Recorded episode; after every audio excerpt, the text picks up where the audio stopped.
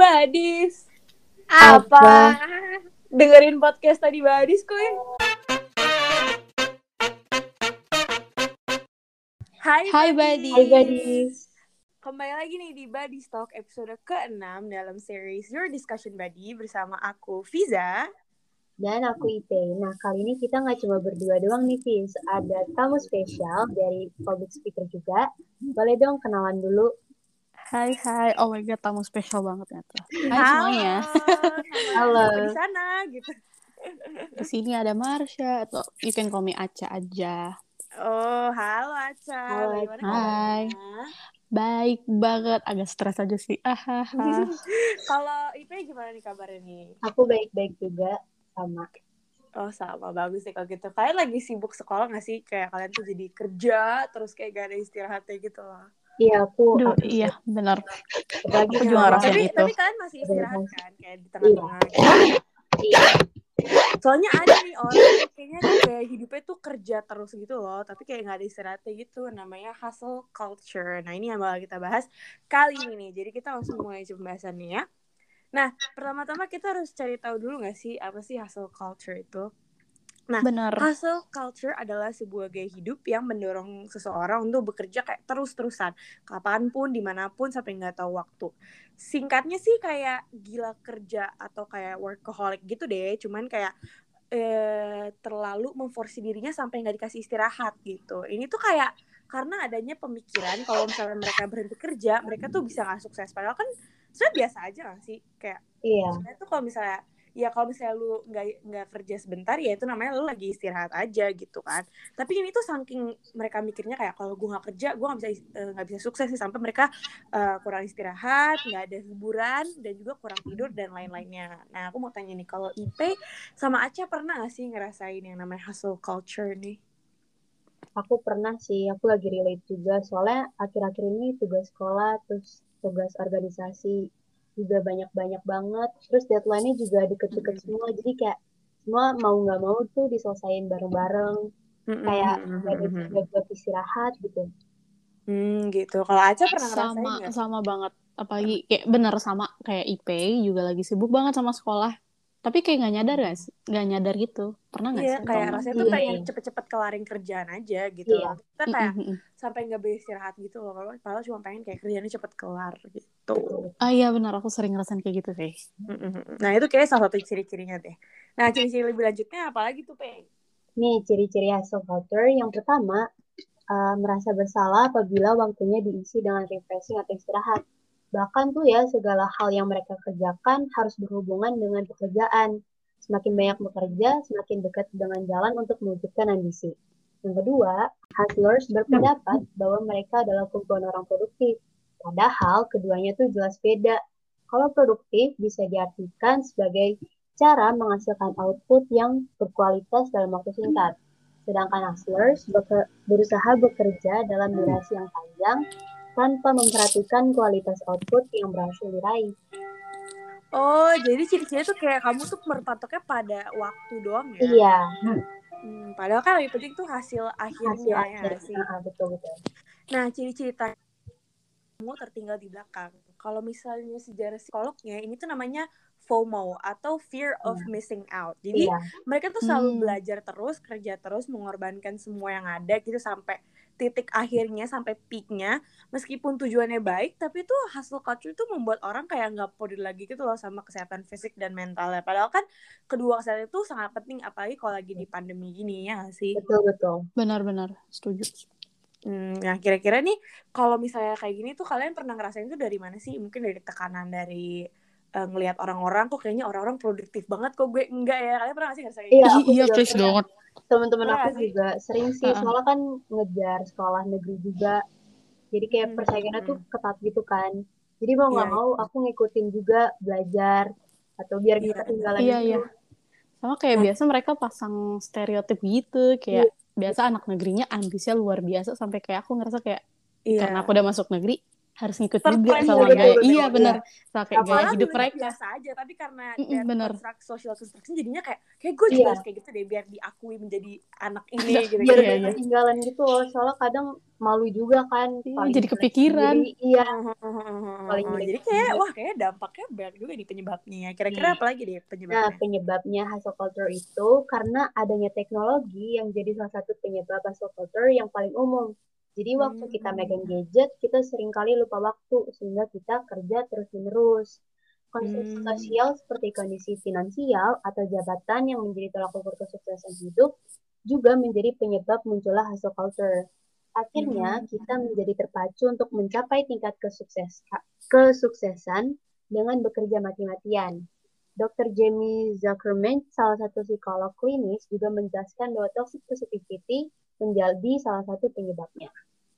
Oh, berarti tadi dikatain sama IP sama Aca bener ya tuh konstruksi sosial seperti kondisi finansial atau jabatan. Iya. kalau kalian Ah, kayak iya iya. kayak kalau kalian anak ini pasti kalian rajin gitu. Padahal kan kayak biasa, Biasa aja. aja, Aduh, iya. gitu. Nggak rajin-rajin Kayak- banget lah.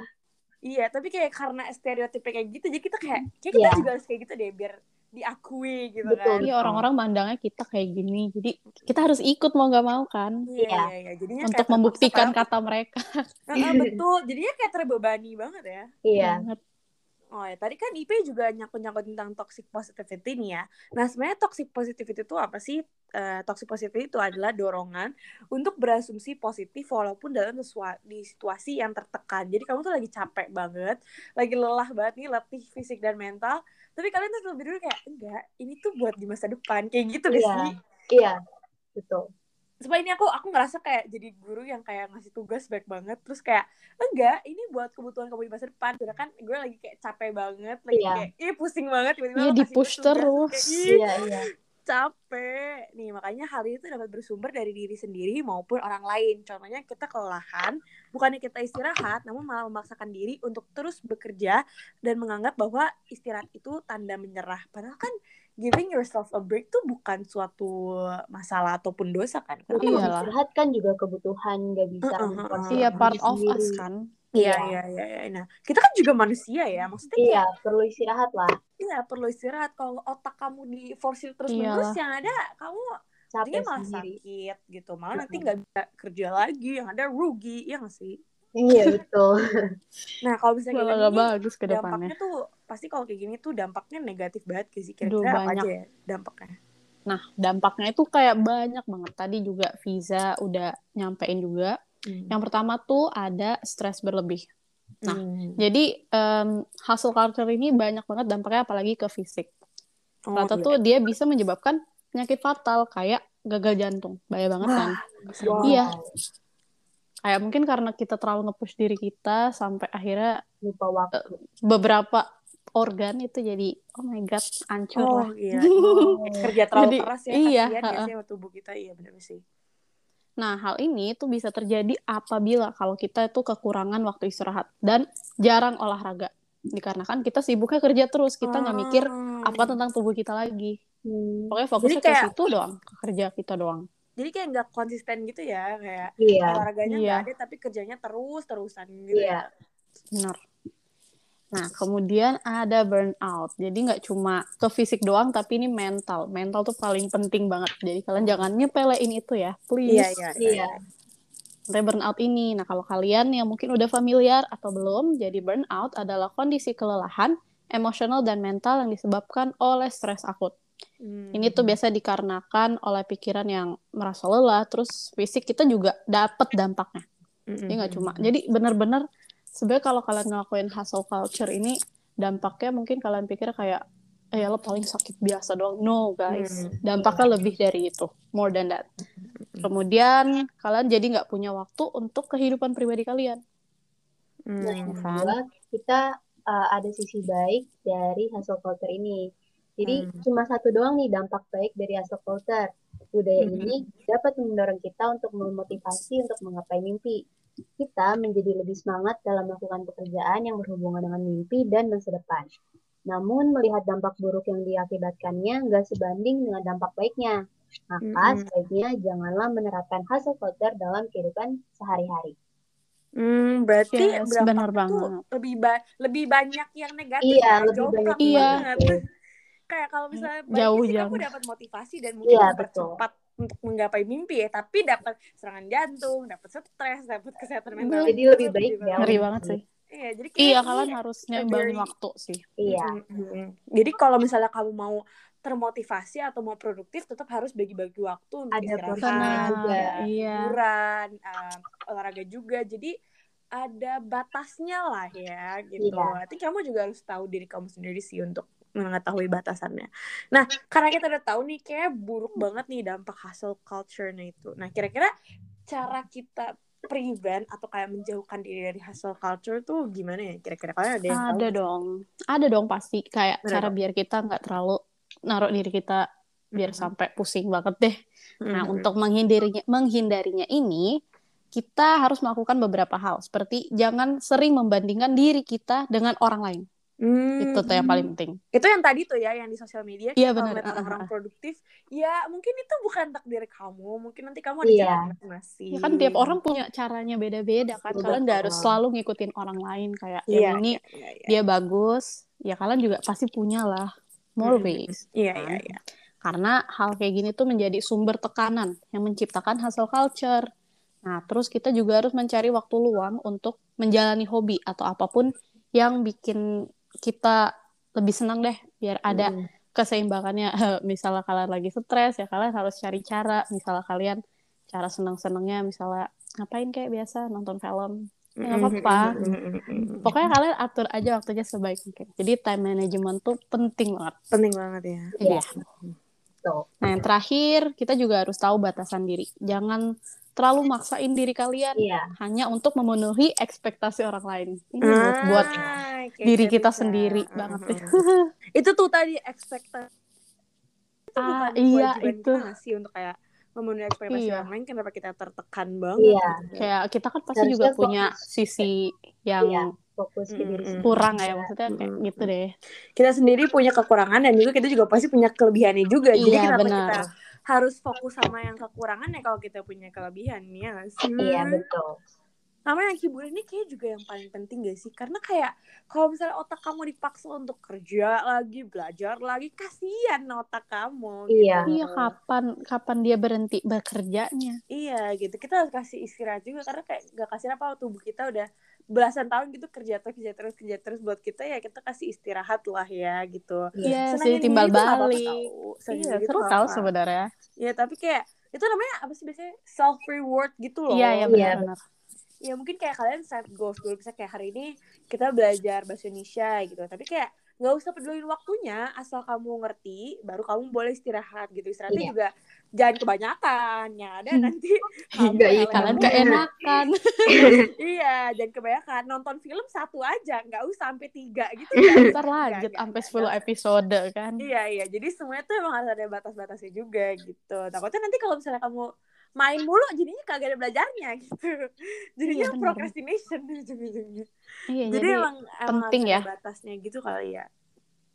Nah, eh, kalau misalnya kita lihat-lihat nih dari semua penjelasannya, ciri-cirinya sama dampaknya juga, itu kan berarti ini cukup eh, jahat ya sama tubuh kita. Menurut kalian ini one of a form of self harming gak sih? Menurut kalian aja. Menurut aku sih iya juga karena kita terlalu memporsir diri sendiri kan sampai bahkan Mm-mm. lupa buat istirahat, sampai lupa makan. Itu Mm-mm. kan Ya, sama iya aja- bener banget. sama aja Iya nggak sih? kayak ngerusak juga gitu. Iya ngerusak Mm-mm. tubuh Kesehatan sendiri. kita juga turun. Mm-mm. Apalagi kan kalau misalnya kesehatan tuh fisik dan mental tuh kan berhubungan ya. Kalau misalnya Iya. satunya nggak baik-baik pasti satu-satunya juga bisa kena Betul, gitu betul. kan. Jadi ini juga Berhubungan gitu. form of self harming sih kayaknya ya. Jadi kesimpulannya tuh kita bisa barengin gitu, ba- bisa balance antara Seimbangin iya iya benar. Iya, Mm-mm. harus bisa balance mana yang jadi prioritas, mana yang enggak, dan Mhm. bisa punya batasan diri sendiri gitu.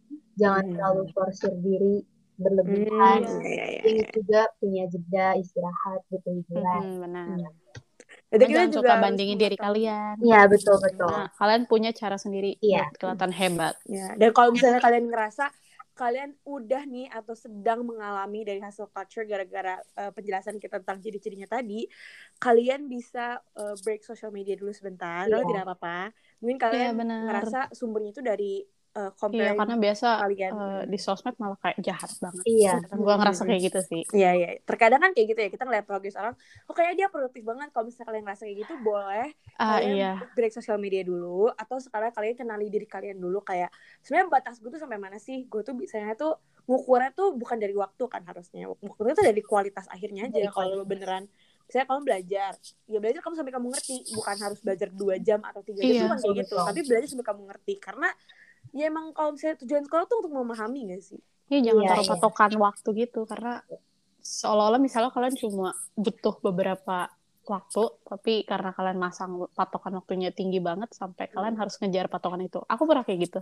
Hmm, coba ceritain tuh Cap punya malam ini. Iya, jadi kan aku sering banget lihat kayak di eh, pokoknya banyak deh di sosial media orang-orang naruh em, hasil belajar mereka sampai berjam-jam. Iya. Terus akhirnya gue Hmm. mikir kayak waktu itu kan waktu kelas 9 kemarin Hmm. gue mikir kayak gue juga harus bisa nih orang-orang udah pada nyampe sini tapi Iya. gue masih ya udah diem-diem aja malah Hmm. nggak ada langkah cuma ngomong doang iya gue cuma ngomong doang kayak Hmm. ayo Marsha belajar yuk belajar yuk tapi gue gak pernah ngelakuin akhirnya gue coba tuh sehari literal gue duduk doang gue belajar sampai Hmm. 8 jam Buset. Buset, Buset. Kak. Bener, Kak. iya gue baru gue baru pikir kayak ih ternyata gue pernah loh kayak gini karena gue liat hasil orang yang kayak ih dia bisa nyampe dapet segini dapet segini gue juga harus bisa karena gue tahu gue bisa akhirnya gue Iya. maksain diri gue terus literally gue di kursi di meja situ duduk dari Hmm. pagi sampai malam Buset. Berarti kadang-kadang moto kalau kamu bisa saya juga bisa tuh agak-agak parah iya juga ya iya ternyata tuh ya eh, eh, bener Ya jadi kayak harus di take seriously ke positifnya aja deh. Karena gue juga pernah sih gitu. Karena gue kan eh, itu gue lagi scroll-scroll Twitter. Terus kan di Twitter tuh ada yang namanya iya bener ambis itu ambis dia first ya. Sih kayak Itu ambis dia. apa gitu. Gue bukan Heeh. menyalahkan itu. Cuman iya kan gue ngeliat tuh ada orang belajar sampai eh, sampai 10 jam gitu loh. Terus gue kayak iya "Ini bahkan belajar apa gitu kan terus gue nyoba besokannya gue gempor sumpah gempor beneran kayak palai pusing badannya remuk udah kayak aduh kayak Iya. gak kuat gitu loh tapi kayak ya itu kayak salah gue sih kenapa gue coba ya cuman kayak maksudnya kayak sama sih kayak Aca gue juga Iya gitu kan? kayak kayaknya kalau dia bisa gue juga bisa deh kayak gitu. Ya kayaknya moto itu terkadang juga harus dipikir-pikir ulang deh kalau misalnya menurut kamu itu iya sangat tidak sesuai dia dengan maksa kalian kamu. banget nggak apa-apa kalau tahan aja Kalau tidak sesuai dengan batasan kamu itu tidak apa-apa ya guys, karena semua orang punya batasan dan juga uh, barrier-nya masing-masing. Gak Betul. usah disama-samain gitu ya guys. Nah, nggak berasa nih kita udah di akhir aja oleh podcast episode. 6 ini. Jadi, Nah, terima kasih banget nih buat Aca udah menyempatkan waktunya untuk ngobrol-ngobrol bareng sama aku dan Ipe di episode kali ini. yes makasih banyak juga Nanti datang-datang lagi ya, Ca, kalau diundang. iya sering-sering undang dong Nah, seperti ini ikonnya eh, podcastnya YSB pasti di akhirnya selalu ada pantun. Coba Pe, mulai Pe.